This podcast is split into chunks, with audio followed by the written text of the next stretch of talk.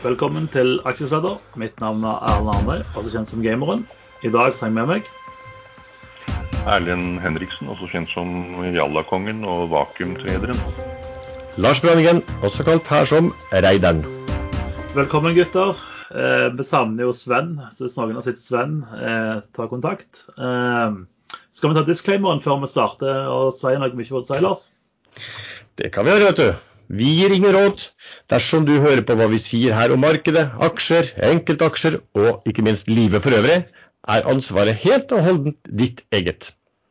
Og vi kommer garantert til å komme med faktafeil i løpet av sendingen. Ja. Hvordan har, eh, når det er to uker siden vi var her sist, eh, siste episode hadde vi med oss eh, Robert Ness fra Nordea. En veldig bra sending som ekstremt mange har lytta på. Men Arlen, hvordan har de to siste ukene på børsen vært for deg? Helt fantastisk. Det har vært vakuum, ene vakuum etter det andre. Eh, markedet priser eh, aksjer hvor det er mange aksjer på vei inn, men de, det er lenge til de kommer. Eh, markedet priser av en eller annen merkelig grunn de få aksjene som er i markedet, som om ny market cap skal gjelde for kun dem. Og det, for Norwegian f.eks. er eh, tre milliarder aksjer kommer til høsten, men de prises ikke inn i det hele tatt. Så kursen ligger på eh, Nå er det vel rundt 2,70-80. Eh, men de enkronersaksjene som kommer til høsten, som noen har betalt en del midler for fordi de kjøpte, kjøpte bånd over med god rabatt, de det er det ingen som bryr seg om. 9.8 kommer den første nesten milliarden. Eh, med aksjer. Eh, da kommer kursen selvfølgelig til å gå rett i kjelleren. Men det skjer jo mye NAS nå. Eh, de får fly på vingene mye før de sa tidligere. Opprinnelig så sa de syv fly i april neste år. Nå er det 13 fly nå i juli, vel. Og jeg tror det blir mange flere.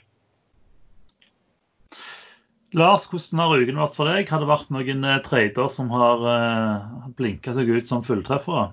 Nja, noe har det vært, men jeg har egentlig sittet mest stille. Nå har jo de, Hvis du ser siste uken, og et par siste ukene, så har jo børsen eh, falt noe.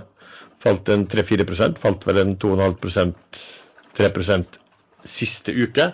Um, og det er jo litt mer sånn, altså Her begynner det mer å bli Folk er kanskje litt redd for nivåene som har kommet.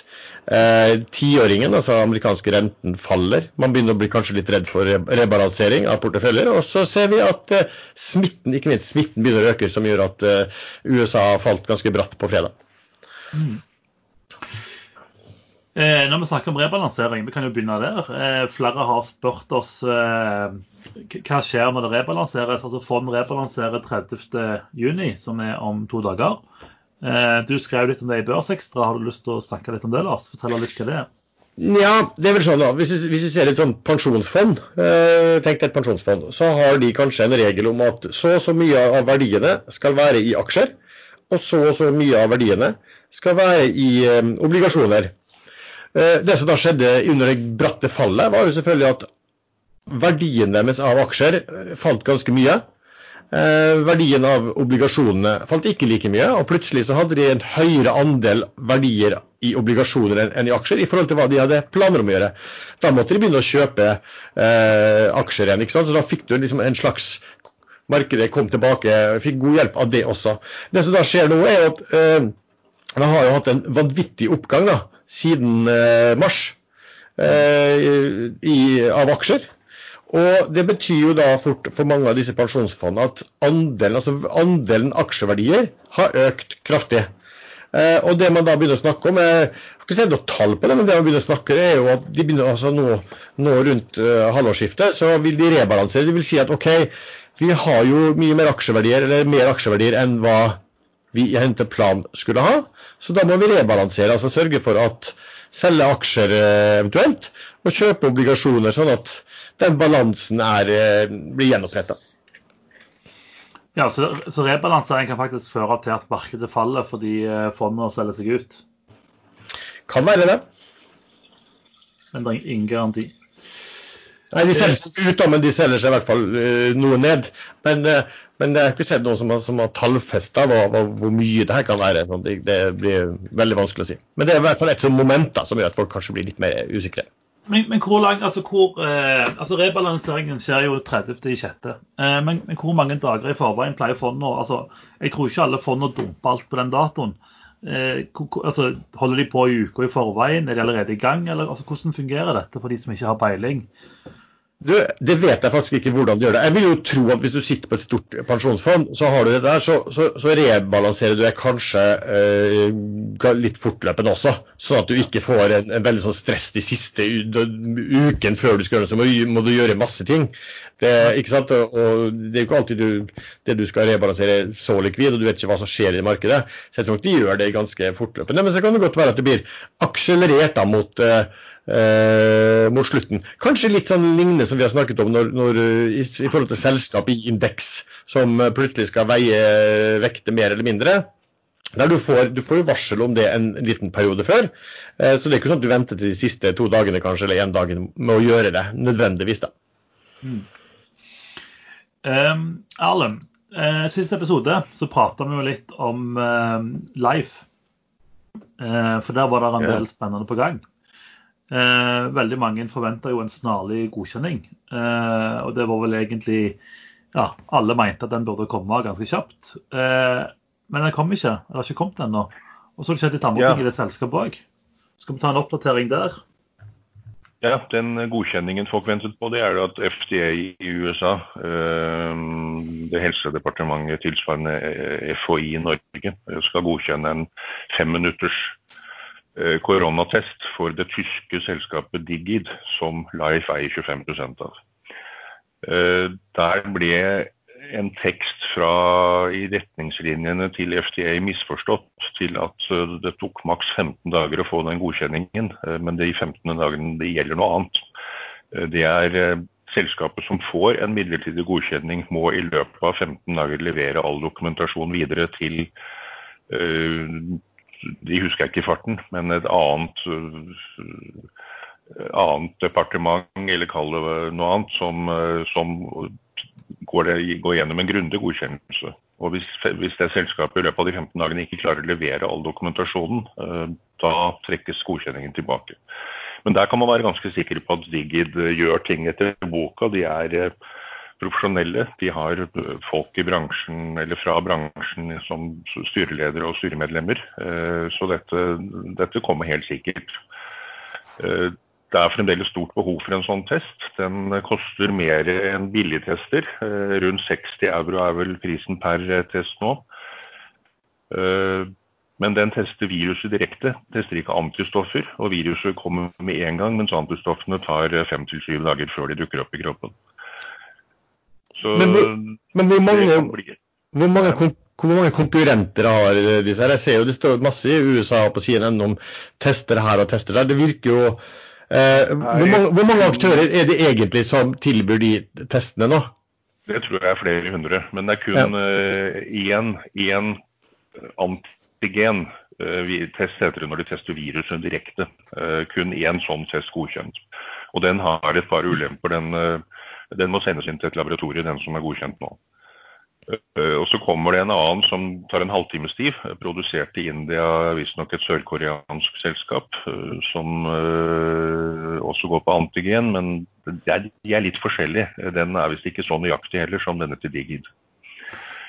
Så Markedet er enormt stort, og så spørs det hvor mye er eh, lands helsemyndigheter og andre villige til å betale for å kunne teste folk eh, f.eks. i en kø inn på et fly eller inn på en konsert og få svaret etter fem minutter. Dvs. Si du kan få svaret før du slipper folk inn, om de har. Men ingen tester er 100 uansett. Eh, så det de ønsker, er at den i hvert fall ikke viser feil negativ.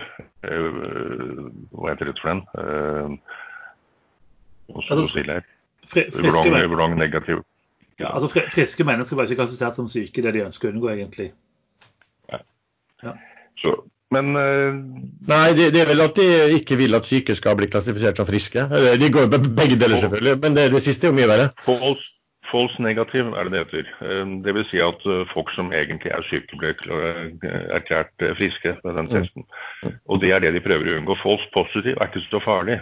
Hvis du nekter en, som, en å komme inn på et eller annet arrangement som faktisk ikke er syk, men de testen viser at han er syk, det, det er jo ikke noe stor krise. Nei. Motsatt er det mye verre. Men, men, men, hvis du tenker, altså, nå har vi jo på en måte veldig mange snakker om at bølge to kommer nå. Men egentlig så er jo bølge én aldri over, som er vel egentlig bølge én. Men med norsk media vil sikkert skrive at bølge to kommer fullt. Men hvis du tenker i forhold til reise mellom land, så er spørsmålet når skal man åpne opp? Altså Norge har jo snakket mye om altså, Det var mye snakk om i media i Norge. Nå åpner vi for hele Europa, men ikke Sverige. Hadde vi hatt en femminutterstest på grense, så er det jo ingen problem å fly lenger. Du vet bare at eh, passkontrollen må du må du stappe en pinne i munnen, og så må du vente fem minutter mens den godkjennes i tillegg. Altså det er jo, hvis den fungerer, så er det jo kjempebra. Men eh, det var jo eh, det var, noe, det var andre ting også som skjedde i, i live som vi kanskje får nevne, Erlend. Ja, det, det, i Life har det jo vært den ene etter den andre av de tidligere store aksjonærene som selger seg ut. Det begynte med Sparebank eh, Vest som hadde en ganske stor post, men det var et såkalt såkornfond. Eh, og at de selger seg ut etter en oppgang når de har klart å dra i gang et selskap for å gå videre til neste selskap som de skal hjelpe i gang, det er ganske naturlig. Eh, så var det noe som heter Riber og Sønn. De er googlet litt opp nå. De er et eh, gammelt, tradisjonelt bergensk familieselskap som investerer i ting. Men, men, de ønsker eh, i henhold til egne retningslinjer å eie over 50 for å kunne kontrollere styret og utviklingen eh, framover. Og de hadde ikke mer enn eh, noen få prosent, under ti tror jeg. Eh, så de er nå helt ute. Og så er det styrelederen har solgt. Eh, det siste han gjorde, var å redusere til 1 million aksjer med, å selge 250 000 til. Og det er tredje gangen han har solgt siden desember. Men han har nå også meldt at han ikke tar gjenvalg på generalforsamlingen, så det skal man heller ikke vektlegge sånn altfor mye. I hvert fall ikke når man ikke vet årsakene til at han går ut av styret. Men det er en stor eier til. Eh, det er et Friele-fond. Beck Invest heter det vel. Eh, og de selger jevnt og trutt, og nå er de snart ned mot 10 De lå vel på 15 uh, ish. Og hvis de går under 10% hvis de børsmelder det, eh, noe man ikke trenger å gjøre før etter tre dager eh, for den tredje dagen før åpen på Merkur marked, hvor aksjen er, så er det en del aksjer som skal ut. Men heller ikke mer enn at de blir fanget opp på to dager hvis det kommer en god melding samtidig. Det var sånn Sparebank1-posten ble spist opp. Mm. Den gikk i et jafs når, eh, når, det kom en god melding. Så jeg klarer ikke å se noe negativt med selskapet. Eh, de har denne femminutterstesten, og de har eh, hovedområdet til selskapet er jo insulinmåling. Men, men, men, klar, men, klarer du virkelig ikke å se faresignal når du har ramsa opp i uh, flere minutter, og jo. alle innsider og store eierne som nå selger og selger og selger? og selger? For meg så er når, når den, allerede når den andre innsideren begynner å selge, eller storaksjonæren, mm. da går jo stort rødt flagg opp. Ja. Og nå er vi på fire. Ja. Uh, men jeg vet ikke. Systemet de har virker fantastisk fornuftig. Eh, en mikro-nanosensor som, eh, som, kan veie eh, Det er vel det de egentlig gjør. De veier faktisk et koronavirus. for å se det er en to, tosensorløsning hvor det ene sensoren er aktiv, og når den gir utslag Når den fester seg til så vidt jeg kan skjønne, kun ett eneste virus, la, la oss si det er flere, det er jo helt ekstrem løsning, og den kan brukes på alle mulige virus og markører i kroppen. Det er derfor de bruker den. Du startet jo med insulin, eller glukose, glukosemåling. Eh, og nå er de gått til korona, og så kan de gå på alle andre virus og bakterier utover der, tenker jeg. Så bakterier kanskje ikke. Men ja. ja jeg bare tenker at det, det, bare tenker at det er kanskje, kanskje litt lett. altså jeg det finnes mange selskap som kommer opp med ting, og som forteller dem gjerne om hvor fantastisk bra deres eget produkt er, og hvor stor hvor konkurransesituasjonen er. Nå kjenner jeg lite til her, eh, både, både verken selskap eller produkt og konkurransesituasjon, men det finnes mange. Men hvis det var så enorme muligheter, så er selskapet prist til? 400-500 millioner eller noe sånt? Eh, så nei, altså jeg, ville jo vært litt usikker på, på, på, på konkurransesituasjonen og, og, hvor bra eh, tjenesten er hvis disse innsiderne selger en masse. Men det er ofte, ofte vist seg at det kan være litt rare grunner til at folk selger. og Det kan være at folk tenker noe som har gått mye, at, eh, at her er det greit å ta noe penger fra bordet. Det er ikke så veldig rart med det. Det litt, det litt problematiske her er at mange kommer samtidig.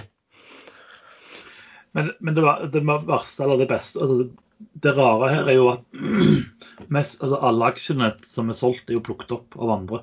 Mm. Så kursen har ikke ledet noe under innsiderne. Men, men eh, jeg hadde jo Leif en liten periode, men jeg ble jo ja, jeg valgte å selge pga. antallet innsidere som solgte. Pluss at eh, den meldingen eh, ikke kom som, som mange håpte på.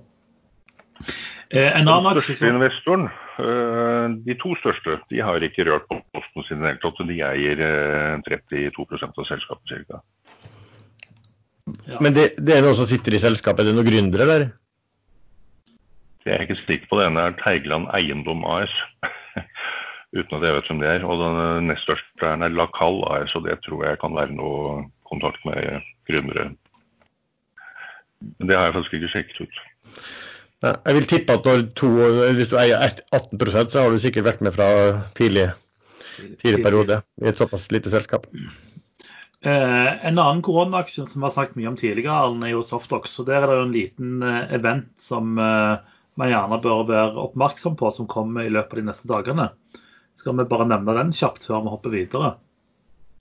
Ja, det kommer vel egentlig to eventer. Nå skal jo Først kommer det en webkast hvor uh, allerede tidlig denne uken hvor uh, CEO skal uh, først klokka ti fortelle om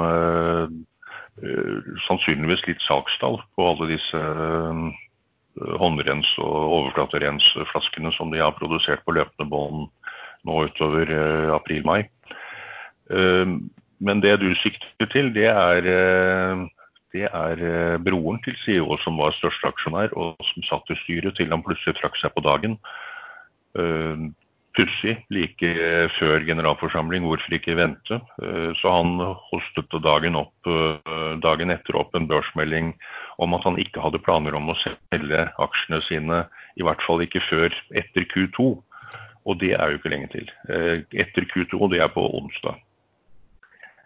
Og da kan du komme ca. 15% av selskapets aksjer ut til markedet. Kan, vel å merke. Det er ingen som vet nå hva han gjør med disse aksjene. Når sa du han, kunne, han, han, kan selge da, eller han kan kunne selge når som helst, men han har egentlig sagt at han ikke skal selge før på onsdag, og så skal de ha en presentasjon på Mandag eller tirsdag? Mandag, mandag ja. Mandag eller tirsdag? Så det blir, eh, Selskapet blir jo da litt hauset opp mandag eller tirsdag. Eh, og så står han fritt til å selge. Han, det var en selvpålagt lockdown som han ga seg selv. Mm. Så hva han gjør, vet jeg ikke, men eh, det er 15 av aksjene. Det er ikke, heller ikke mer enn at det blir spist veldig fort hvis, eh, hvis det kombineres med noen nyheter. Så.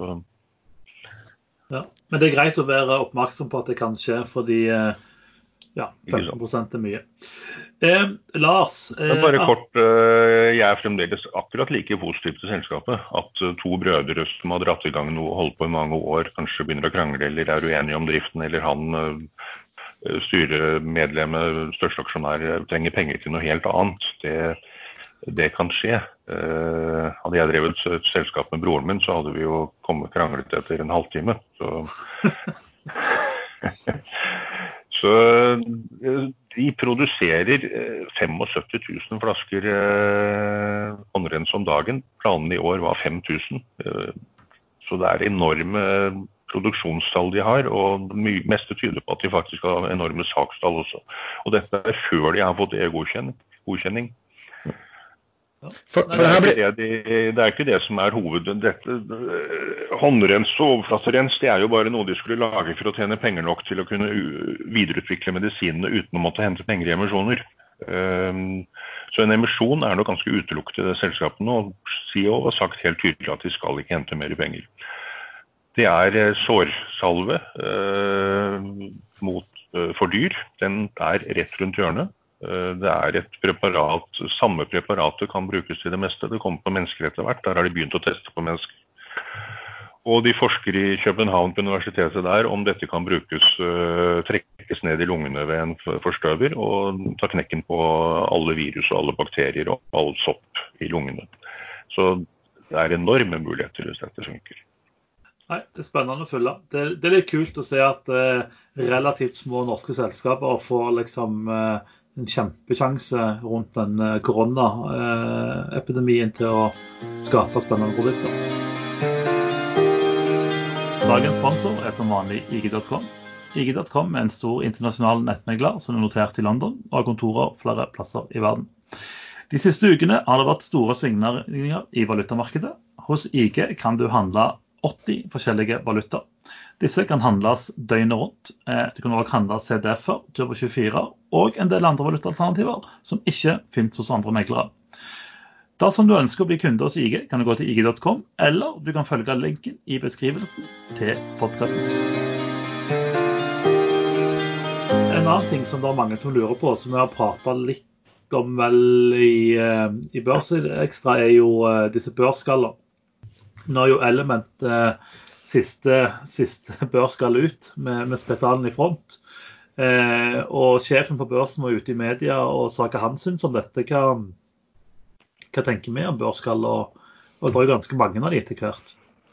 Eh, børskall er jo kjempefint. Eh, fordi eh, noen som husker det, så, så, var det jo Sven og jeg som eide Vi eide jo faktisk en gang ca. 50% av et børskall som heter Nordic Financials. Eh, og som endte opp som Aega. Eh, sånn at de kom på børs. Jo, altså, så, sånn er det da. Altså, nå er det vel, eh, hvilke børskall er det vi har akkurat nå? Det er Hidden er et børskall som ligger og venter på å brukes til et eller annet. Og så er det Element som er et børskall som ventes på å brukes til et eller annet. Altså, det, det er jo slik at Hvis du skal gå på børs, så må du normalt sett eh, sende inn full børssøknad. Eh, det innebærer at de skal sjekke, altså det skal søknes, du skal ha due diligence, du skal ha finansiell og juridisk due diligence av selskapet, regnskapsgjennomgang de siste årene, egnethetsvurdering av ledelse og styre, du skal ha market cap på sånn og sånt nivå. Eh, du skal ha et tilstrekkelig antall aksjonærer. Du skal ha, eh, kunne dokumentere at likviditeten du har, varer i tolv måneder. Det er normalt for å gå på børs og noenlunde. Men så er det jo også slik at eh, hvis du allerede er et selskap Et børsskall betyr egentlig et selskap som er børsnotert, som har solgt unna det vesentlige av eierandelene sine. Det ligger nesten bare stille og venter på det. Men så er det allerede på børs, og så har du allerede en del aksjonærer. Og så har du en kostnad ved å gå på børs for å gjøre alle disse tingene som jeg satt, fortalte nå at man må gjøre og dokumentere og alt der. Eh, som gjør at et selskap som vil på børs, kan ta kontakt med dette, dette børskallet og sier at vi slår oss sammen. Det kalles egentlig en reverse takeover. For siden det er, altså, det, det er jo det børsnoterte selskapet som formelt sett kjøper opp det andre og betaler i aksjer. Formelt. Men reelt sett så er det jo den, den, den, den som blir formelt kjøpt opp, er jo egentlig den som er den som er takeover. Bortsett fra at den, den, den tar over på en måte den andres eh, eh, børsnotering. Og, og, ja, eh, og, Derfor kaller man det for reverse takeover. Så Det børsen da er eh, irritert for, er at nå bruker man disse børskallene og så kommer det inn selskap da, som ikke har hatt disse uh, man kunne hatt disse uh, gjennomgangene av som kreves normalt for å være på børs. Uh, og de da varsler om at de vil faktisk kreve full børssøknad uansett om du bruker et skall. Og at de også snakker om å stryke rene skallselskap hvis de ikke er benyttet i løpet av kort nok tid. da. Ja, for nå, nå sitter egentlig eh, altså sånn som både Hidden Element, så sitter jo bare folk og ruger på det etter de finner noe passende. Så, bør, ja, så børsen ønsker egentlig at det ikke skal bli mulig å ruge på det i mange måneder eller år. Ja, ikke sant. Og så er det jo sånn at det er liksom Tradingmessig så er jo børskall alltid litt eh, morsomme. Eh, og de kan jo Vi har jo nesten alltid sett altså, Det er jo ganske mange selskap som har kommet på børs via eh, børskall. Aqualis gjorde det, Solo gjorde det, Nell gjorde det. Veifa i sin tid gjorde det. Aksjaktor gjorde det. Så, så, det er ikke så veldig uvanlig å, å, gjøre det der. Og I forkant av disse transaksjonene så skjer det ofte at disse børsgallene blir prisa eh, hinsides i forhold til eh, verdiene. Så, så, Hvis du skal regne på et sånt børsgall, så skal du vel egentlig bare regne på hva er verdiene av tilgangene per i dag. Eh, og så kan du kanskje legge på oppimot ja, 10-15 millioner da, for, for, at de er børsnotert og har et brukbart antall, godt antall eh, aksjonærer, selv om det kanskje er litt høyt. Eh, hvis børsen gjør trussel om å kreve mye mer dokumentasjon. Eh, og så fusjonerer du da med en annen aktør. Men så sånn hvis, La oss si at et selskap da, som er et børskall, uh, reelt sett skal være verdt 30 millioner. Uh, og skal da fusjoneres med et annet selskap som er verdt bør være verdt 100 millioner. Hvis dette børskallet blir kjørt opp av markedet til å være priset til det dobbelte, 60 millioner, så gjør man det ganske enkelt. Da, pris, da vil jo motparten bare prise opp det, det, andre selskapet også, som skal gjøre reverse takeover, eh, til tilsvarende høy pris. Så, så, man må være oppmerksom på, på at det er, det er morsom trading, så man oppmerksom på hvordan de blir prisa, det som man går sammen med. For det, det ofte er, ofte, den, den, verdisettingen der kan ofte være uh, mer enn vilkårlig, for å si det sånn. Men, men da er spørsmålet, pleier du å trade i børskall, på en måte f.eks. hidden element, eller styrer det unna fordi det er for uoversiktlig? Nei, jeg bruker det veldig ofte. og faktisk det er vel, eh, Jeg bruker ikke å trade sånne små ukjente, men, men børskall syns jeg er ofte fint å, å trade i. Hidden syns jeg var fint å eh, trade i, og, og også eh, det tok en hel del på i den emisjonen som var nylig. Eller nylig, og nylig, det var vel også under, mest under koronakrisen. Eh, for der kunne du kjøpe aksjer til samme pris som Spetalen hadde kjøpt. Og det man vet, det man vet på disse her, at, og, og, og, da kan man anta at den prisen som han går inn i, da har han sett på liksom, hva, hva er børsskallet verdt, og, er, og, og, prøvd å få seg en rabatt. Da, så da har du ikke fått uh, da, da, da, går du ikke inn på sånn veldig forventninger sånn sett. Uh, og det ble gjort på 1,20.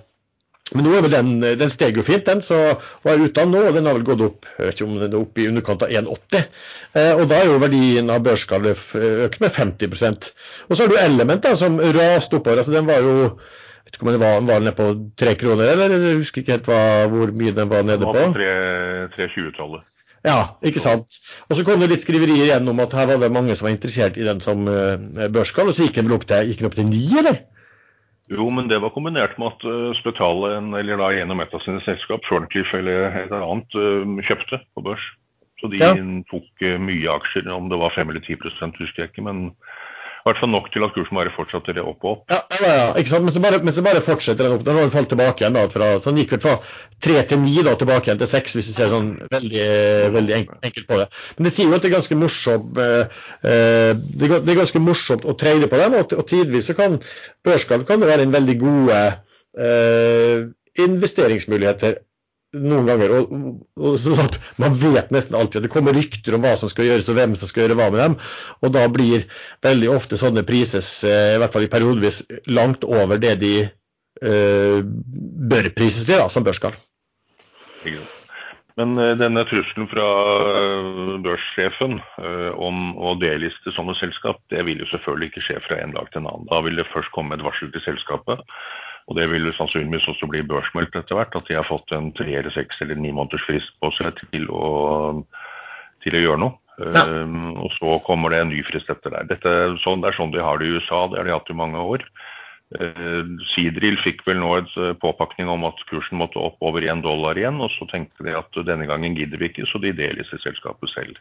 Hmm. Jeg, er enig med deg i det. for det sier vel også, han sa vel liksom at at de, de kan, over tid så kan de stryke rene skallselskap, men det er vel et hvis selskapet blir liggende der i vinter og vår og lang tid ikke sant, og uten å bli uh, utnyttet, så kan de tenke seg å gjøre det. Men det, det, det tror jeg ikke er noe sånn realistisk. Det, det, som er realistisk, er vel at de kanskje utvider og setter strengere krav til de som skal uh, være på den andre enden av en reverse takeover, som skal bruke dette børsskallet, sånn at det kanskje ikke blir eh, at, at, at, det blir mindre billig da, å bruke et børsskall, fordi at du likevel må, må gjøre ganske mye dokumentasjon. Så, så har skattemyndighetene også tettet en del eh, hull eh, med bruk av framførbart underskudd. Element har jo et veldig stort framførbart underskudd, men det er jo oppstått eh, på investeringer i gruveselskap i, på Filippinene, mesteparten. Selvfølgelig en del administrasjonskostnader i Norge og noen andre investeringer som ikke har gått så bra.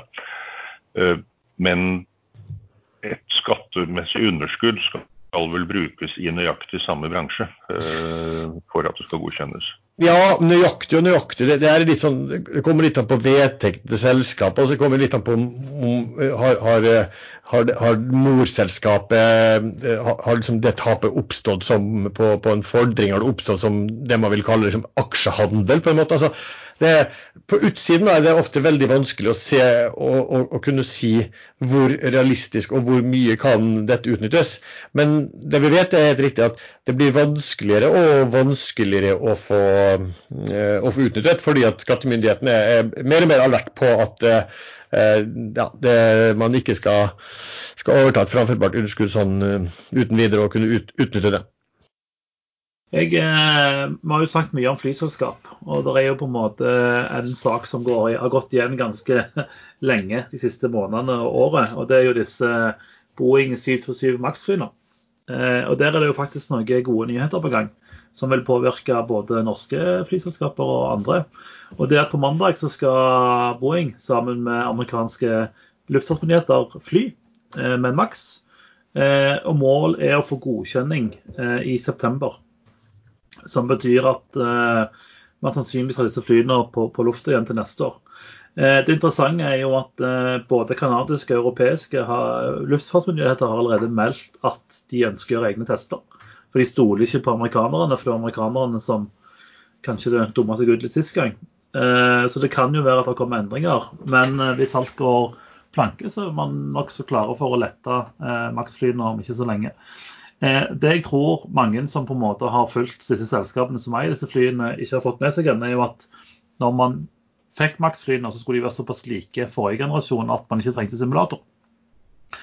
Eh, derfor finnes det veldig få 737-simulatorer eh, i verden. Så selv om flyene var godkjent, så det ganske lenge til de kan komme i lufta. Fordi alle pilotene må simulatorgodkjennes, og så må alle flyene fikses.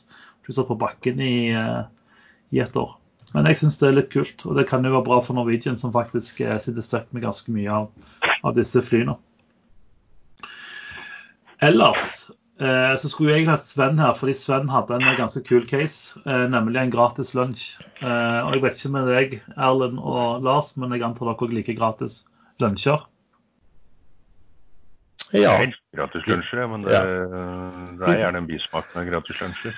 Jo, nå, nå, skal vi høre. Dette her, eh, Jeg heiv meg egentlig på fordi det var jo en eh, diskusjon i favorittspillselskapet mitt Funcom eh, på Ekstrainvestor. Og det er jo at Tencent har jo kjøpt da 95% av selskapet. Men ca. 4-5% av selskapet eies nå av ulike aksjonærer. og Da er spørsmålet kommer det en tvangsinnløsning fordi alle regner med at Tencent skal ta Funcom av børs. Eh, og Der er flere medlemmer på Ekstramester som har brukt ganske mye tid og krefter på å prate med Tencent og med Funcom om DNB. Eh, og DNB har bekreftet at det kommer en tvangsinnløsning, men de skal flytte selskapet til Norge først. Eh, kursen på Funcom er i skrivende stund 15 kroner 86 øre, etter at amerikansk fond har solgt seg ut de siste to ukene. Og man antar at tvangsinnløsningen kommer på 17 kroner, som var budet Tencent ga på alle aksjene. Nå er ikke jeg eh, noen superekspert på alle, på alle lover og regler, men det er ingen av de som har diskutert, som har funnet en måte Tencent ikke kan by 17 kroner på. Så hvis man har tro på at eh, Tencent byr 17 kroner eh, i løpet av de neste månedene på, for å tvangsinnløse resten, så er det noen prosenter der å hente. Men kan... Det er viktig i hvert fall at man bruker hollandsk aksjelovgivning og ikke norsk.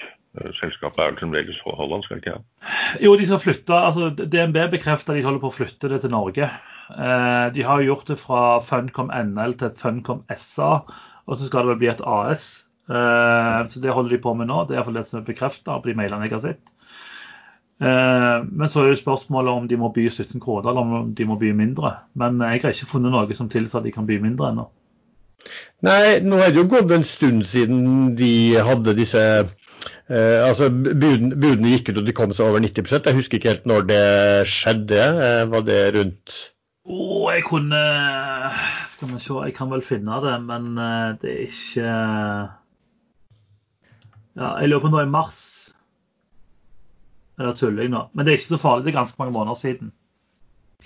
Men, eh, men DNB har iallfall bekreftet at uh, det kom en, uh, en tvangsinnløsning, men de må bare uh, de må bare flytte selskapet først. Ja, altså, Man kunne jo tenke seg, siden du har sagt nei til et bud da, som kom i jeg tror Det her kom, det var, det var, det var nok i mars, eh, og, så, eh, og, så, aksepterer man ikke det.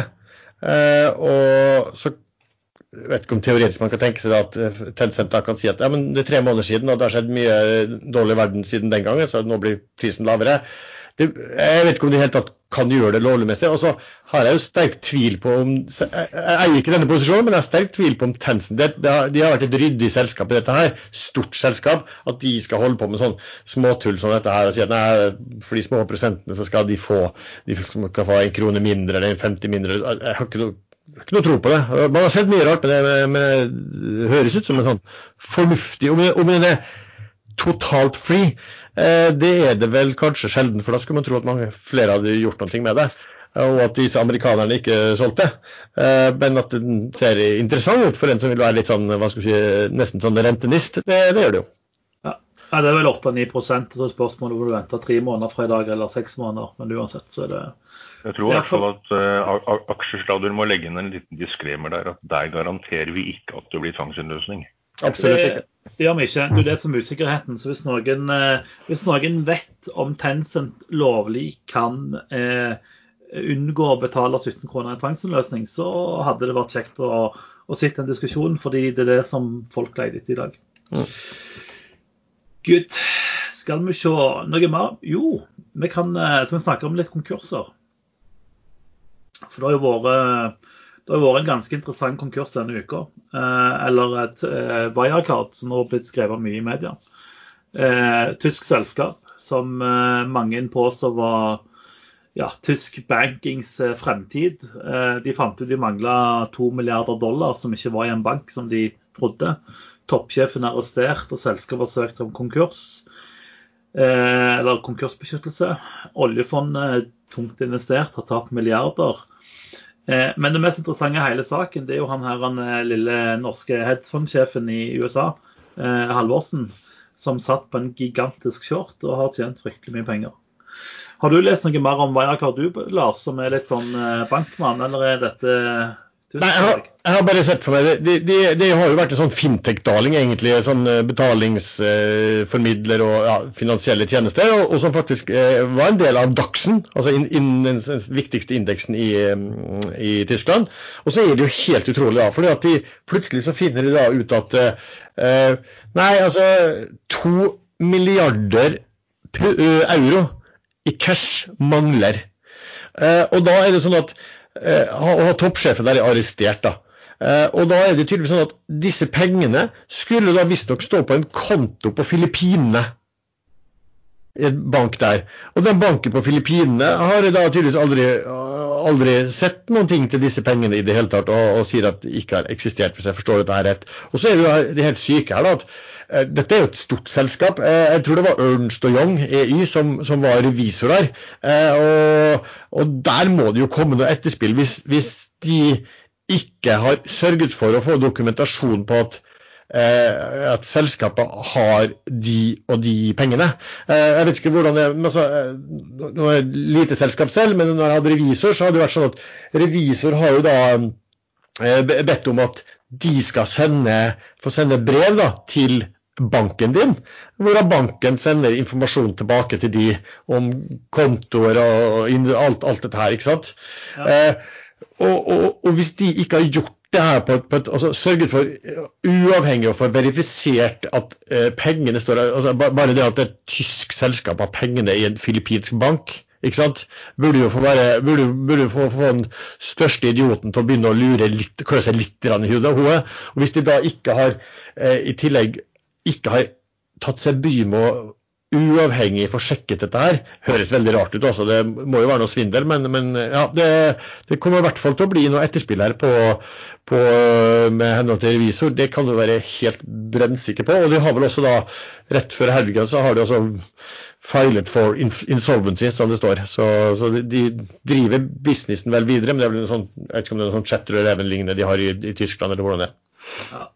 Nå var ikke jeg borte borti den aksjen selv, men eh, der var det en god del som tente på Mixa, Jalla, Vakuum og all mulig trading. Eh, kursen gikk jo helt ned til 1 euro da de søkte om konkursbeskyttelse. Og så vidt jeg fikk med, så var den oppe i nesten 4 euro etter det. Så å kunne tjene 300-400% på en aksje som har søkt om konkursbeskyttelse av veldig gode grunner, det, det skal ikke skje. Men det skjer gang på gang. Ja, den, den, den slutta på 1,28 på fredag, se. Men, men hvorfor, det var hvorfor, i hvert fall 370. men hvorfor er det lov å handle en aksje hvor på en måte de har søkt om konkursbeskyttelse? Jeg, jeg, jeg, fatt, altså, jeg fatter Jo, ikke det, det. det er det samme i både Norge og USA. Uh, Sidril ble også tredet fritt da de søkte om konkursbeskyttelse i forrige runde. Uh, børsen argumenterer med at all informasjon er ute i markedet, uh, så da er det opp til investorer, tredere, å gjøre hva de vil. Ja, Men så er det ulike typer konkursbeskyttelse. da, for i, Ulikt i USA, så du har sånn chapter 11 kontra i, i, Norge, hvor du går til Norge konkurs. Da, da er det kryss over selskap. Da er selskapet, da er selskapet borte. Da finnes bare dets, dets konkursbo, egentlig. Eh, og, og, de selskapene ja, får ikke de, de selskapene får ikke lov til Koronaregler i Norge også, de, de, burde vel faktisk bli permanente. Uh, Sverige har jo hatt konkursbeskyttelse i mange år, Norge har aldri hatt det, men de kom nå under korona. Okay. Det, det, interessante faktisk er at uh, de 1,9 eh, millioner euroene, uh, milliarder euroene, ikke dollar som jeg sa i stad, er faktisk en fjerdedel av kontantene i balansen deres. Så, mm. så, så, hvordan revisoren ikke har oppdaga dette, det fatter jeg ikke. Det, men, men, sånn er det. Det er farlig å trade på børs. Så selv tyske selskaper kan, kan drive kokelimunke. Eh, det er et annet selskap òg, Hudaya. Skal vi snakke noe om det? Eh, norsk selskap notert i Sverige går konk fem måneder etter notering. Eller eh, har vi ikke så mye å si der? Det skal jo ikke kunne skje, men her har det men der var det vel en del som skrev allerede da det ble, notert at dette er, dette er stay off. Sånn tørt selskap. Det, det, det interessante faktisk, jeg, eh, jeg er ganske aktiv på Tekkeinvest, og der dukka det opp en Hudaya-post eller tråd når den kom.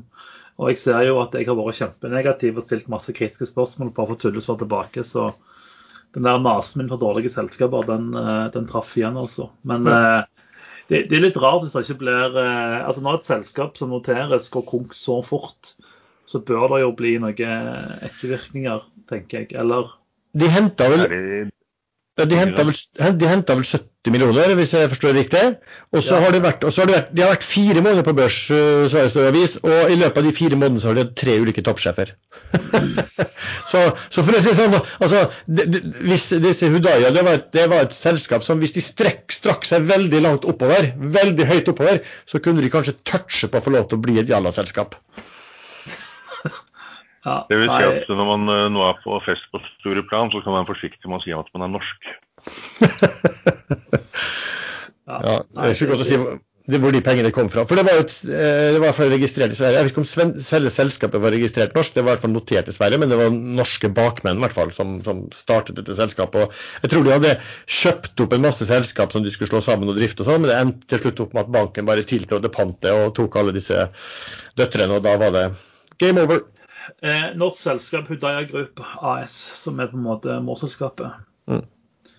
tapte bare 80 millioner i 2018 på en inntekt på 2,5. Så det er godt gjort.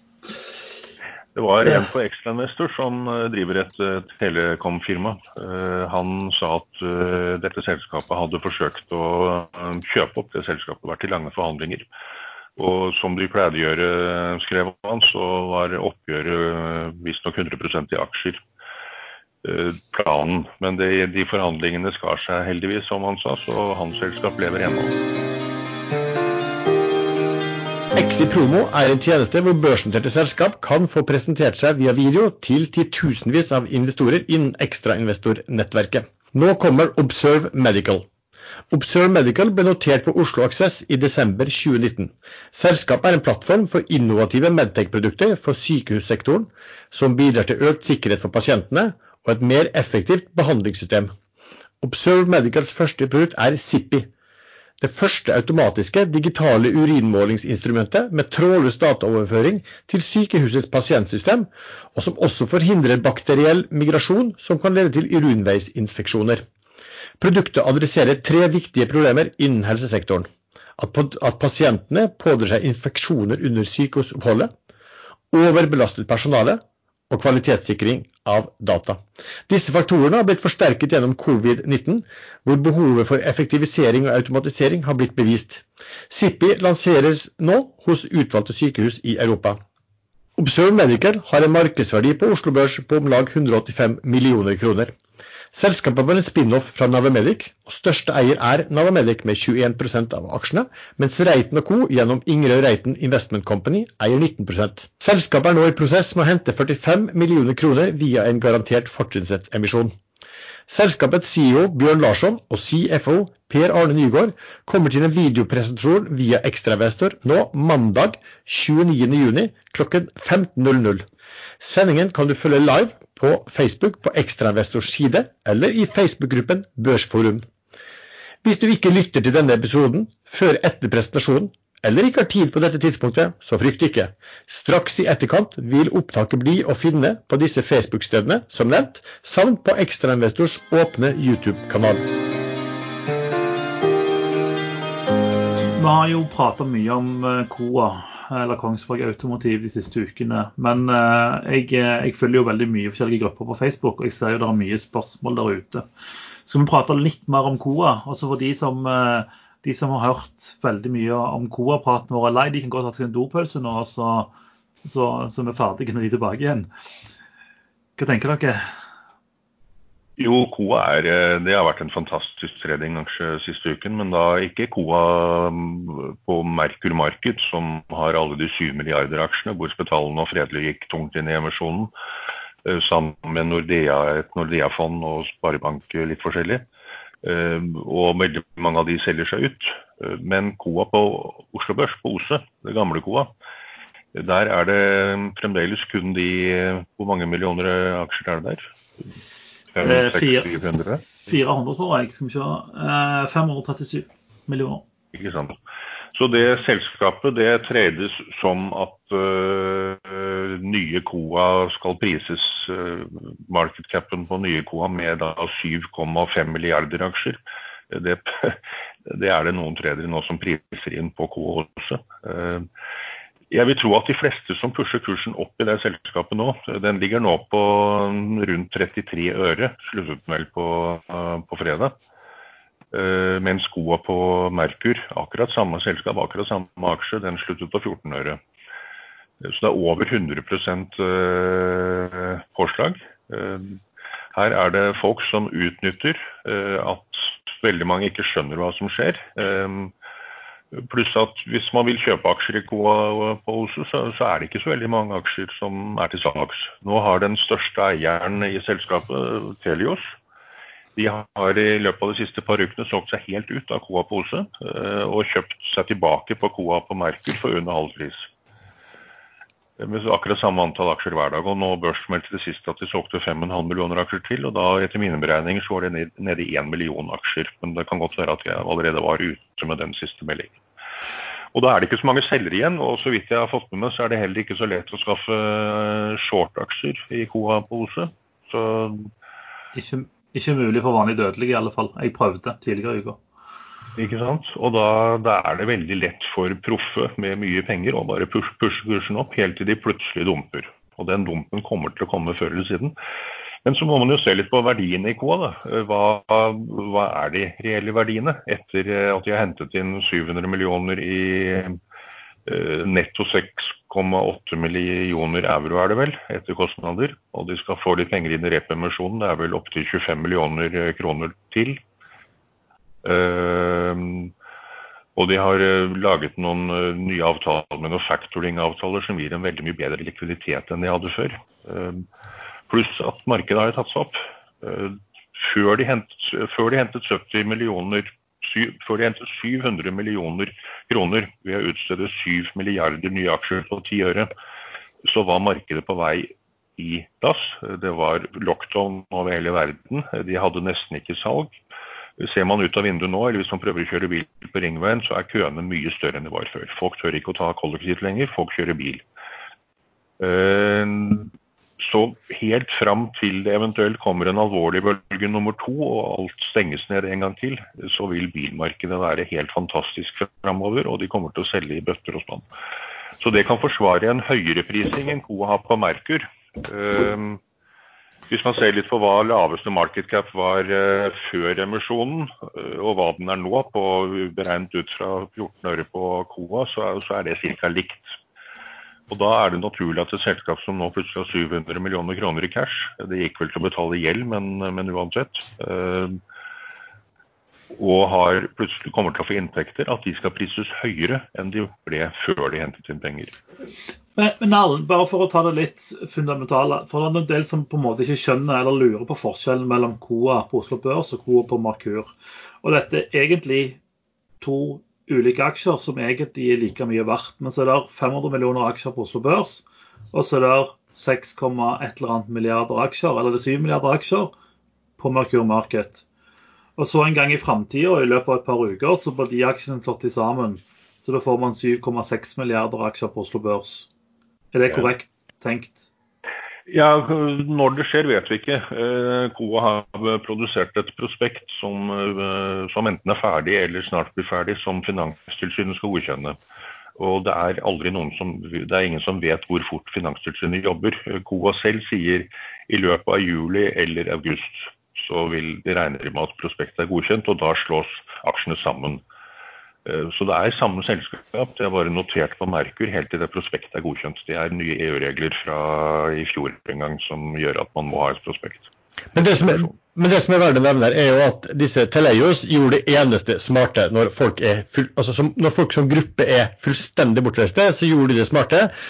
De solgte aksjer for, til en viss pris, og så kjøpte de nøyaktig samme eierandel tilbake til halv pris. Og satt igjen da med jeg tror det var en dagen gjorde 12,4 millioner på dette her, kun pga. folk som er Unnskyld uttrykket, steindum som gruppe. Er viktig å tenke på steindum som gruppe. Jeg skal forklare hva jeg mener med det etterpå. Men så er det sånn, jeg er litt enig med Erlend, jeg er litt uenig med Erlend sin analyse her.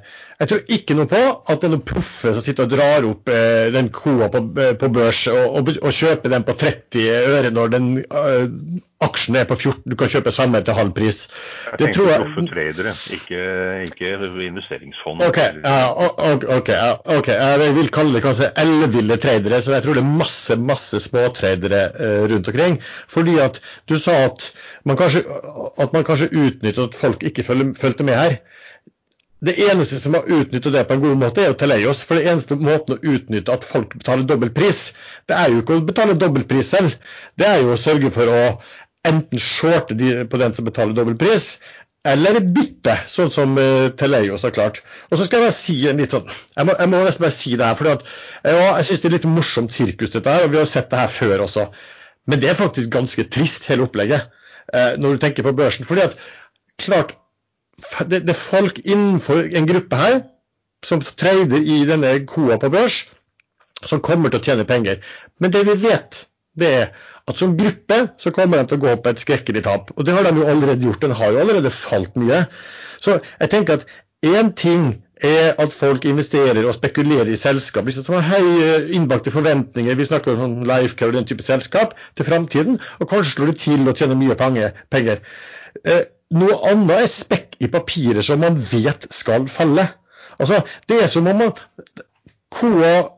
KA på børs, da, hvis vi snakker om den dyre, det er som om noen Man har en stor gruppe, og så har man en konvolutt med 100 kroner i, og så starter man å by 200 for den. Og så ser man om man kan få solgt den for 2,10 til andre og 2,20 til noen. Men på et eller annet tidspunkt så stopper musikken, og så sier noen at uh, åpne døra seg og sier få tilbake hundrelappen, du skal få en, hundrelapp for det. Så som gruppe, mener jeg, så er det idiotisk. Noen kommer til å tjene penger på det på tradere, men som gruppe jenter, er det idiotisk. Uh, altså det, for en annen absurd forklaring, Så det er som å delta i en emisjon da, uh, og betale 200 kroner i aksjen. Uh, mens det ligger samtidig at du er forplikta til å selge samme aksje til 100 til halv pris om litt tid. Eh, og så håper du å finne noen da som er eh, dum nok til å kjøpe den for, for, for over 200. Det, det, er faktisk rett og slett det det handler om. Jo, jeg er helt enig i alt. Og jeg har jeg slet en lang periode med det etiske, moralske i å trene i sånne aksjer.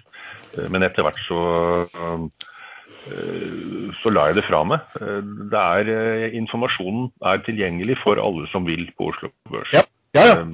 De som, ikke, de som ikke skjønner dette, her, de får skylde seg selv. Og noen av dem, eh, særlig unge studenter med konfirmasjonspenger, de skal faktisk være glad for at de gikk på en ordentlig smell eh, i en sånn aksje eh, med småpenger, og ikke tapte tre millioner når de hadde eh, svinket og spart, eh, kjøpt seg hus og hytte og, og, var lenger opp i årene.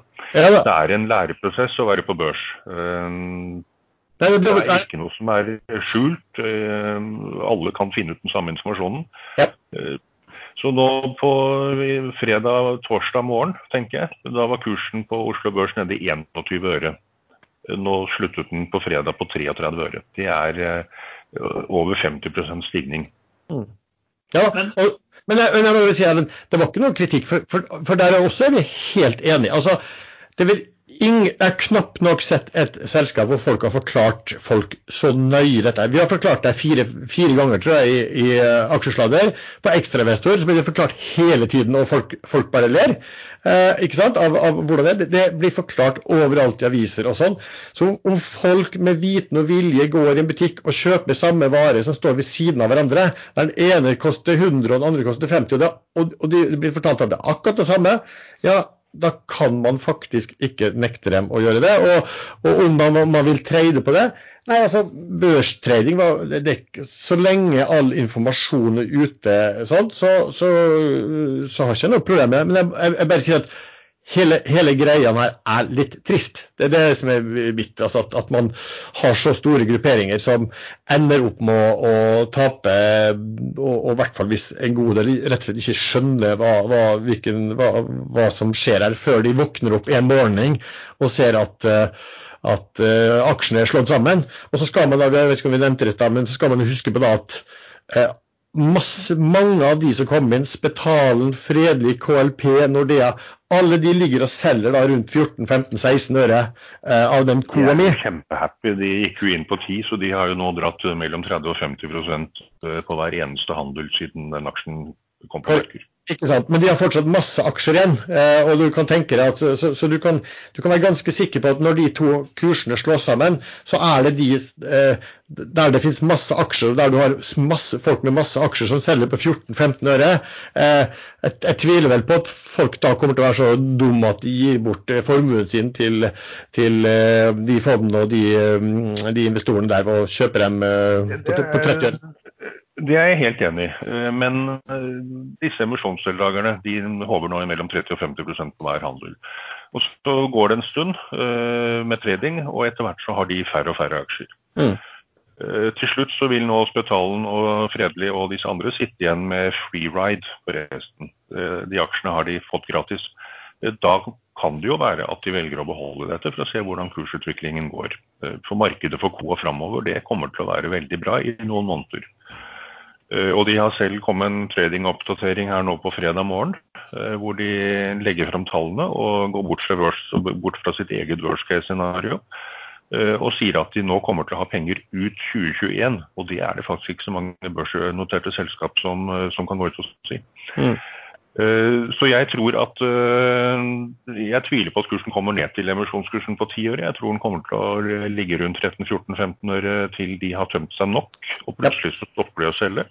Og da kan det godt være at kursen ligger på over 20 øre når de aksjene slås sammen på Oslo Børs.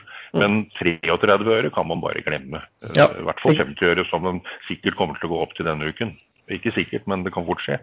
Jeg, gutter, jeg, jeg har en liten teori her. Hvis du tenker da Coa eh, Merkur og Coa Oslo Børs. Kan det være at noen av de aktørene som eier Coa Merkur, jobber for å holde Coa Oslo Børs høyest mulig oppe, for å få Merkur-aksjene til 15 øre til fram som billige?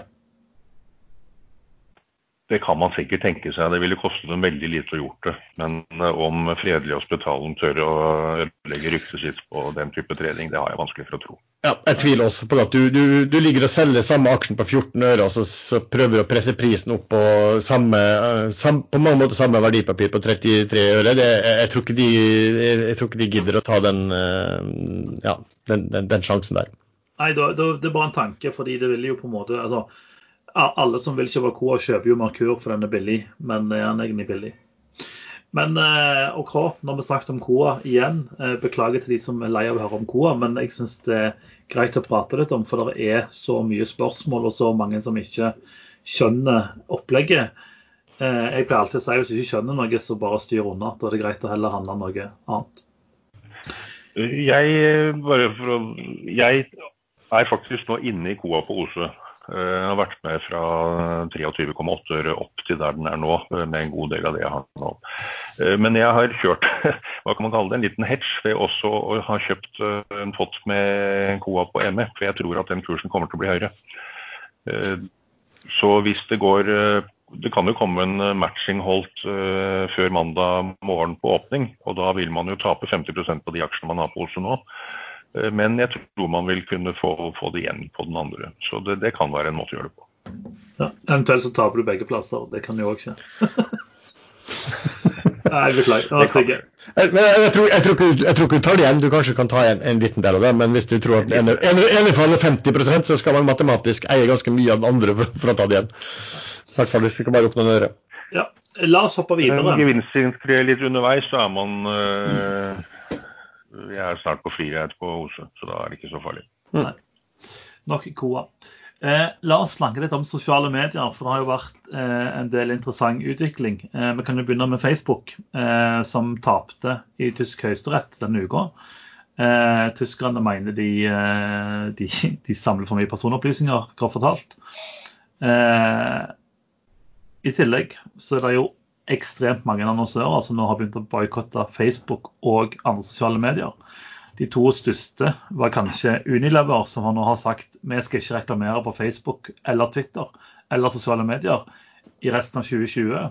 Uh, og på fredag vel, det i går, uh, på lørdag så gikk Coca-Cola ut og sa at vi skal ikke annonsere sosiale medier uh, de neste 30 dagene. I tillegg så er det en haug med andre store merkevarer som har gjort det samme, men Unilever er størst litt krise for sosiale medier. Hva tenker dere? Jeg syns det er veldig bra at store selskaper bruker markedsmakten sin på den måten. Det, det er skatteproblematikk med disse selskapene. De skatter, ikke i de landene de driver, men i morlandet. Da er det vel endringer på vei, men uh, og er, de har for mye makt. De misbruker makten sin. Og så på siste valg. Eh, man ser på fake news hva som slipper til og hva som blir, eh, ikke blir fjernet og osv. De, de kunne gjort mye mer. Mm. Jeg, så, jeg, så, Facebook falt, eh, falt jo sine gode 8 da på, på, fredag, men de er jo kraftig opp altså fra, fra koronaen og fra Skal vi se hvor mye de er på oppe fra Altså, Facebook... Opp 5, opp 5 i år, i år, da, Facebook, etter det 8 %-fallet på fredag. Det, det, interessante var jeg diskuterte dette med en på Twitter eh, som ønska en shout-out, men jeg gjør bare shout-out til folk med ekte navn. Eh, og han mente det var bra å begynne å shorte den på 242, tror jeg det var. Vi begynte å diskutere det. Og det, dette var da eh, 23.6, så fem dager siden. Eh, I går jeg hadde, jeg hadde, en short som var inne ikke så lenge, men som jeg satte tidligere, senere i uka, fra 230 ca. Og Den endte på 216 på fredag, og så sa jeg at den endte i etterhandelen på 212. Så det er ganske, eh, altså Facebook får ganske bra med bank, altså. Men hvis du på en måte legger deg i et seksmånedersperspektiv, så var den jo nede i 150 eh, i mars. Så det har jo på en måte likevel vært stor oppgang. Men jeg syns det er ganske interessant at uh, de går så hardt ut. For det Facebooks argument er jo på en måte at folk skal få lov å ytre seg, selv om, selv om, de på en måte mener ting som ikke alle andre er enig i. I dette tilfellet så har det vel vært at Facebook lar folk på eh, ekstrem høyreside få lov å ha talerør, bl.a. folk som fornekter holocaust og, og, og sånne ting. Men nå har jo Facebook òg annonsert at de gjør endringer. Det ble annonsert på fredag. Men når på en måte Unilever sier at vi, vi styrer unna hele, hele, sosiale medier resten av året, så må de jo treffe de ganske mye. Ja. Men, nå skal vi si at disse sosiale mediene de er jo pressa fra, fra myndighetene også, fra Trump-administrasjonen.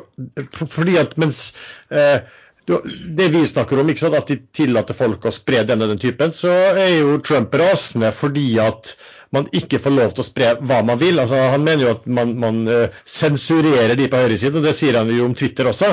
At de ikke får lov til å skrive hva, hva som helst. At de, de, de, blir merket av Twitter. Hans, hans egne, hans egne Twitter-kommentarer kan, kan, bli merket også som liksom at uh, Ops her, eller Ja, ikke sant.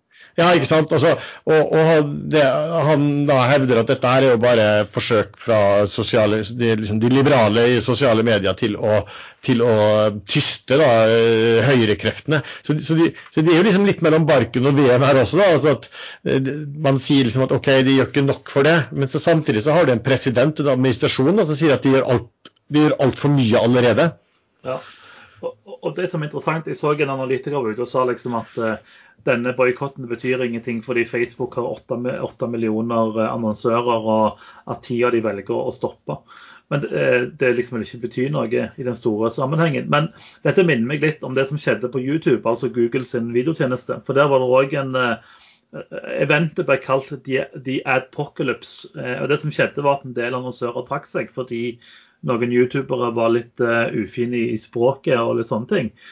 Eh, og det man så i etterkant, var at veldig mange annonsører som egentlig ikke brydde seg om det politiske, de bare trakk seg. for de visste at Hvis vi bare trekker oss i et par uker, så vil prisene på reklame falle såpass mye, og vi vil få ekstremt gode, gode reklamedealer etterpå. Og akkurat det skjedde jo. Eh, YouTube gikk inn på en kjempesmell, eh, og reklamen var billig i lang, lang, lang, lang, lang tid etterpå. Så spørsmålet om, dette, om det samme skjer på Facebook nå, at ja, En ting er at Unilever og Coca-Cola, Northface og Nike og hele den gjengen der eh, boikotter, men at andre annonsører bare stopper å reklamere i noen uker for å få ned prisene. For det er ingen tvil om at Facebook har et ekstremt stor markedsandel på den type reklame. Så, jeg tror at man uh, bommer litt hvis man uh, allerede nå uh, annonserer Facebooks død. Det, det har mange gjort før og brent seg på. Det, det, det, tror jeg ikke heller, men det er jo bare, bare snakk om hvor stor hit får de på reklameinntektene sine. Sånn? Altså Facebook har jo vært ekstremt flinke på eh, kjøp. Altså Se på Instagram og, og, WhatsApp og de greiene her. Så har, altså Facebook er jo en flink organisasjon. Men det hjelper lite hvis på en måte eh, bransjen som, som, som, kjøper informasjon om oss, eh, stopper en periode. Så nei, jeg, jeg følger den, og jeg har kjørt den en del, for jeg syns det er interessant. Og så er jo børsen i USA rekorddyr. Eh, og en del av disse selskapene her er rekorddyre, så ja, short, short der har vært ganske greit. Mm. Eh, skal vi prate litt om, eh, om, Fed? For vi har jo snakket mye om don't fight the Fed. Og vi har jo vært relativt uheldige med mye shorter, mange av oss, fordi Fed har kommet, eh, kommet til, to the rescue og, og pusha markedet opp. Eh, nå var det vel noe informasjon om at Fed eh, har eh, krympa det her det berømte balance sheet, altså de har solgt litt. Har dere fått sett noe på det? Nei, jeg så, jeg så bare den kom. Og da er det jo Det var vel en uke altså, Dow Jones er ned denne uken, ikke sant? De er ned. og det man har sett er jo at, at uh, hvis du har en graf da, over hvordan uh, økningen på balansen til Fed er kontra indeksutviklingen, så, så, så, stemmer jo det godt overens. Det, det, det, de gikk vel ut med, var at de har satt av noe enormt med penger til, til, å intervenere og kjøpe foretaksobligasjoner, og så har de vel brukt veldig lite av det da, hittil. Eh, også, også Jeg har tallene foran meg. De er satt av 2,3 trilliarder dollar ja. Eh, og har brukt 143 milliarder. Mm. Så de har brukt 6,2% av Firepower. Dette var en artikkel fra 24.6. Mm. Kan det være at Fed på en måte går ut med det bare for å si se her, så mye eksplosiver har vi igjen, det er bare å pushe markedet videre? Eller er det altså det eneste grunnen til at de går ut med den informasjonen? Hva, hva tenker dere? Nei, jeg tror Fed bruker å gå ut med den informasjonen der om hvor mye de har og sånn. De har vel eh, offentlighetskrav på seg, de også. Så kan det være at de eh, Kanskje begynner de å bli litt engstelige for at de har pusha dette markedet altfor høyt opp. Ja, men det, det, det, altså, Du ser politisk også nå, så kommer dette her om, og, og fra demokratene at OK, gutta på Wall Street de, har, de har sin, sin mann som eh, som eh, sjef for Federal Reserve. De pusher inn pakker sånn og sånn, og gjør de knallrike, mens folk er arbeidsledige og sliter med å få pengene til å strekke til. Og så begynner de å snakke om altså, de trilliardene der og der. ikke sant? Så begynner de kanskje å bli litt engstelige, og, og når de ser også hva som kommer av nye aktører inn i markedet, så bare kjøper og kjøper og kjøper. Og kjøper. Og så er det jo sånn, da. Dette er jo helt sinnssykt. Hvorfor skal de inn? Altså, nå, nå, sier jo markedet at uh, markedet for obligasjoner fungerer veldig bra. Ikke sant? De får lett til å, å, å refinansiere seg, lånemarkedet fungerer utmerket. Hvorfor skal da Fed inn med noe helt enorme beløp uh, på det tidspunktet? Uh, det gir jo overhodet ingen mening, ikke sant. Så, men det er veldig interessant å se det der med at da, de da reduserer det. og for, for, å si sånn, de burde redusere den. Balansen burde jo aldri være så stor, selvfølgelig. Men så er det også, så, så, så man skal følge veldig nøye med på uh, Fed red, litt redusert balanse. Se, er, dette et trend de prøver å, å, vise her? Fordi som sagt, fra 2008 til nå så har vel den balansen økt med 700 Den økte vel med 600% bare fra uh, mars. Den økte mye mer fra, fra mars og på noen måneder enn man gjorde i hele finanskrisen. Og de har forsøkt en gang, om det var i 2017 eller 2018, så forsøkte de en gang å redusere balansen sin. Da falt børsen 15-20% og da måtte de begynne å øke balansen igjen. Så følg med på den. Don't, don't fight the Fed gjelder jo her også, ikke sant. Hvis, hvis Fed begynner, å, begynner å, å, slanke balansen, selge ut, så skal man holde et veldig godt øye på det. Ja, jeg, har vel Fed aldri hatt så stort politisk press på seg som de har nå fra Trump-administrasjonen. Eh, det er, I utgangspunktet skal jo Fed være helt eh, nøytrale og gjøre, ta egne avgjørelser, men her er det ikke noe tvil om at Trump har presset fram både rentesenkninger og, og intervensjon i markedet. Ja, altså jeg har veldig sympati med de som sier at hvis det var noen gang Fed skulle gjøre noe, så var det nå, så var det eh, finanskrisen.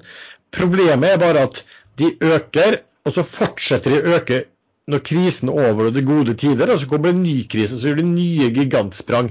Istedenfor å øke, gå inn og kjøpe papirer og støtte opp. Og når markedet normaliserer seg, så krymper de balansen tilbake igjen. ikke sant?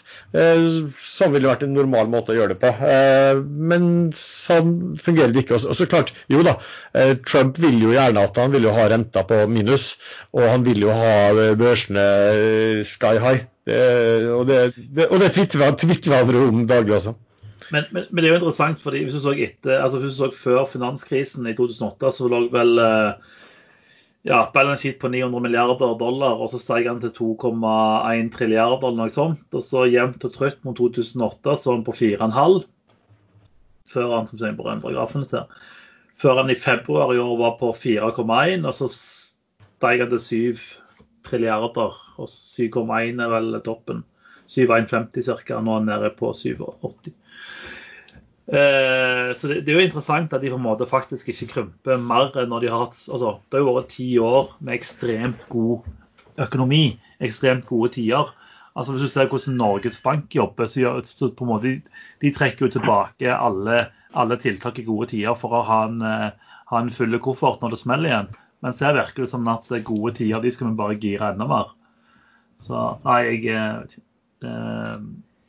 Det blir spennende å se da, at de faktisk krymper nå, hva det betyr. At eh, kanskje de ser at eh, de ikke ja, at de ikke klarer å holde det gående til, til valget. For det er det Trump ønsker. at det, Enten så må det smelle nå, så de kan ha ny opptur mot valget, eller så må de holde, holde gang til november. og det, Da skal de jobbe hardt.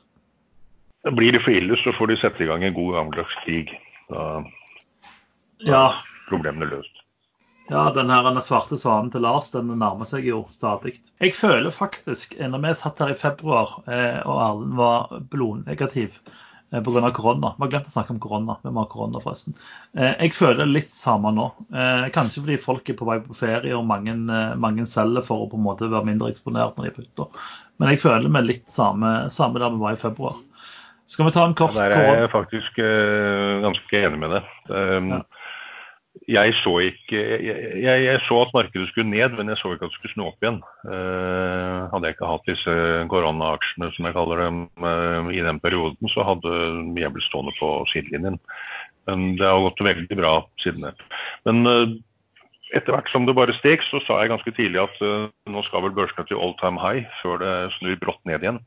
Og nå er vi jo nesten der. Nasdaq er på all time high. Uh, Dow Jones og SP 500 henger litt etter. Uh, kanskje de pushes opp.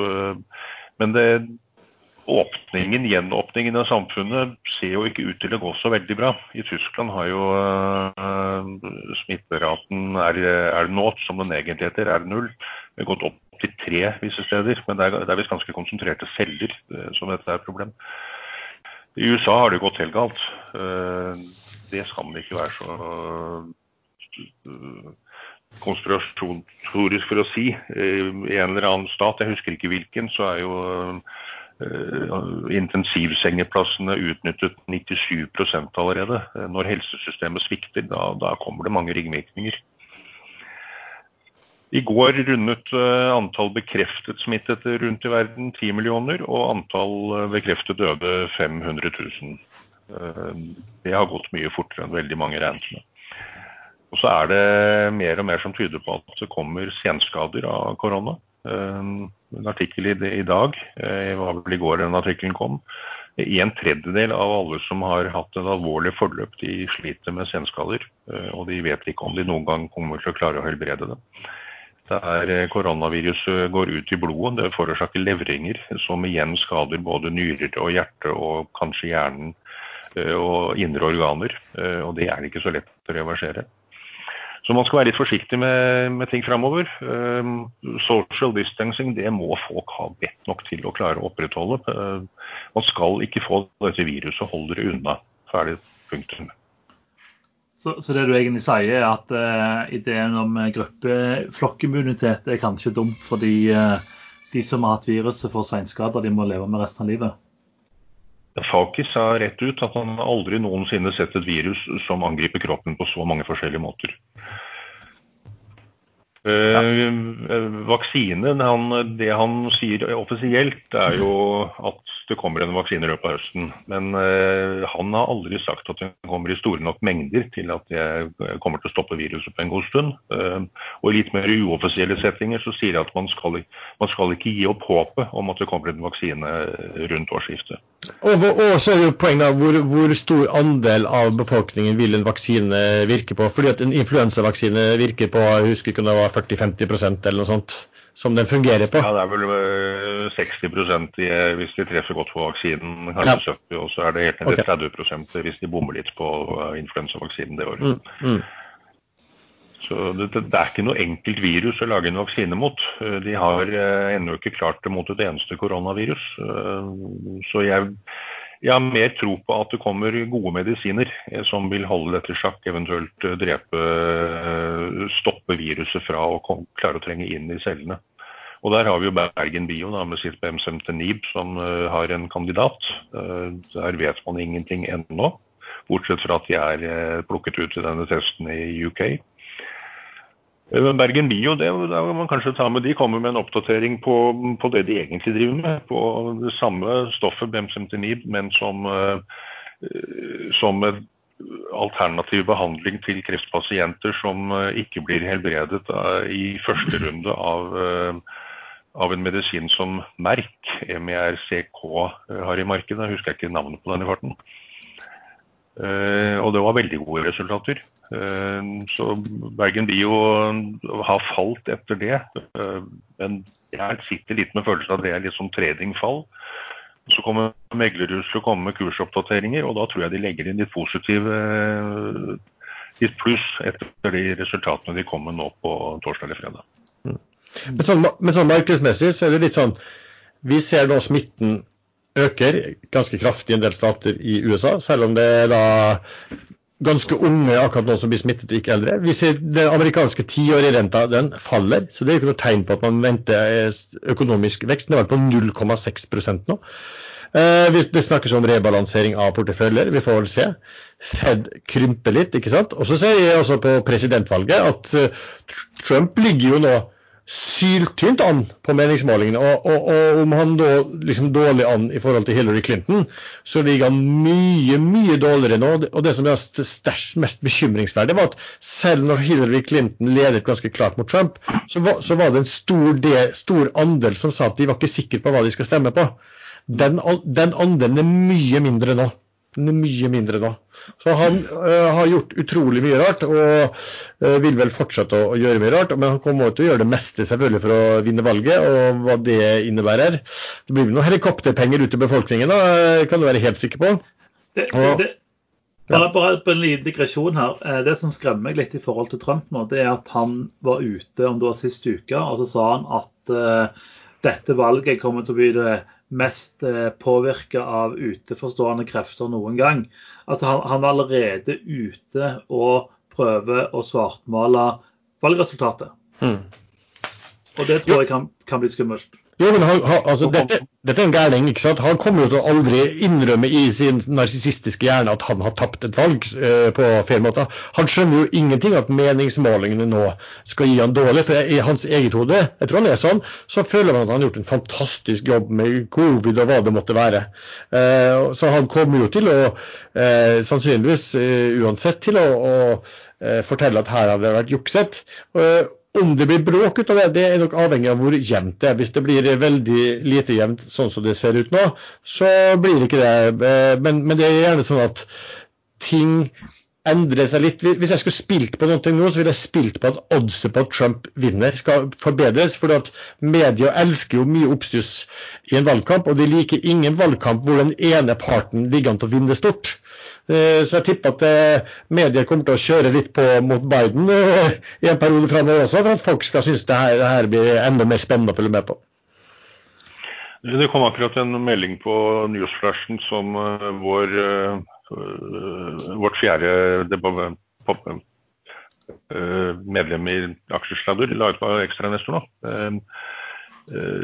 China central bank says global pandemic and tasks to prevent domestic outbreak resurgence uh, pose risks to China's economic growth. Så Kina er nå bekymret for at de må bruke for mye ressurser og tid og social distancing uh, og nye lockdowns. At de nå er redd for at økonomien ikke henter seg inn som de håpet. Mm. Og det vil man også se i USA nå. Eh, Texas gjeninnførte lockdown, eller de stoppet eh, oppløsningen. Det var vel et par start til Florida også, tror jeg. Og det er jo republikanskstyrte stater som nå faktisk går imot Trump direkte. Så det har, det har, vært, det har vist seg at det er ikke så lett å åpne opp igjen. Eh, og hvis, dette, hvis markedet blir redde for at det skjer framover, så kommer det krakket som jeg forutså kommer til å komme til høsten, eh, bølge to, det tror jeg kan komme allerede nå i løpet av sommeren. Ja, det blir interessant. Eh, nå ble det jo en eh, negativ avslutning på et bærmarked, men kanskje Bjørnan endelig får revenge og hente tilbake litt av pengene som Fed har stjålet fra dem. Som investor så spiller det egentlig ikke så stor rolle om markedet går opp eller ned, bare man uh, klarer å se uh, retningen det tar før det har gått for langt. Det, det er jo helt sant. Ja. penger begge veier. Det, det er vel òg det Sven sier, at uh, når markedet går mye opp og ned, så er det gøy å være trader.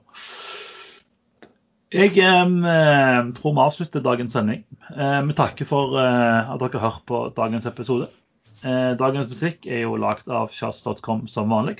Eh, hvis du ønsker å ta diskusjonen videre, eller har spørsmål, eller eh, ja, ønsker å se hva vi skriver, så har vi en gruppe på Facebook, podkasten Aksjesladder.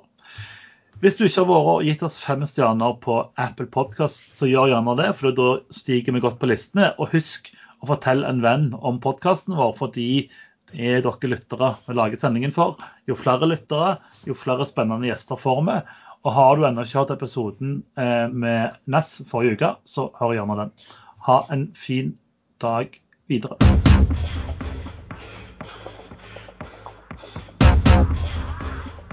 Eh, vi på Ekstrainvestor har i flere år sendt ut et nyhetsbrev som er kalt Børsekstra, med oppsummering av nye anbefalinger fra meglerhus, interessant stoff fra media og betraktninger som f.eks. dagens OBS. I dag har vi over 12 000 registrerte abonnenter på det, og det går ut og leses daglig av storforvaltere, analytikere, meglere, journalister samt store og små privatinvestorer. Vi har sett at media har brukt børsekstrainnholdet som forklaring til kursbevegelser. For en knapp måned siden lanserte vi et premium-abonnement for de som vil motta Børsekstra tidligere på dagen enn de andre gratisleserne. I uken som gikk, introduserte vi også eksklusive børsekstratips på én en enkeltaksje fra flinke folk i markedet, der Thomas Nilsen, porteføljeforvalter i First-fondene, var førstemann ut med sitt tips. Du kan bli premiemottaker ved å vippse 99 per måned, alternativ 999 for et år, til vips nummer 603355. Eh, eller eventuelt innbetale penger, pengene til konto Send da gjerne en e-mail til info.ekstrainvestor.com, så skal du få den informasjonen. Hvis du ikke allerede mottar Børsekstra og vil motta den gratis versjon, så kan du gå til ekstrainvestor.com slash børsekstra. Der finner du renke til registrering.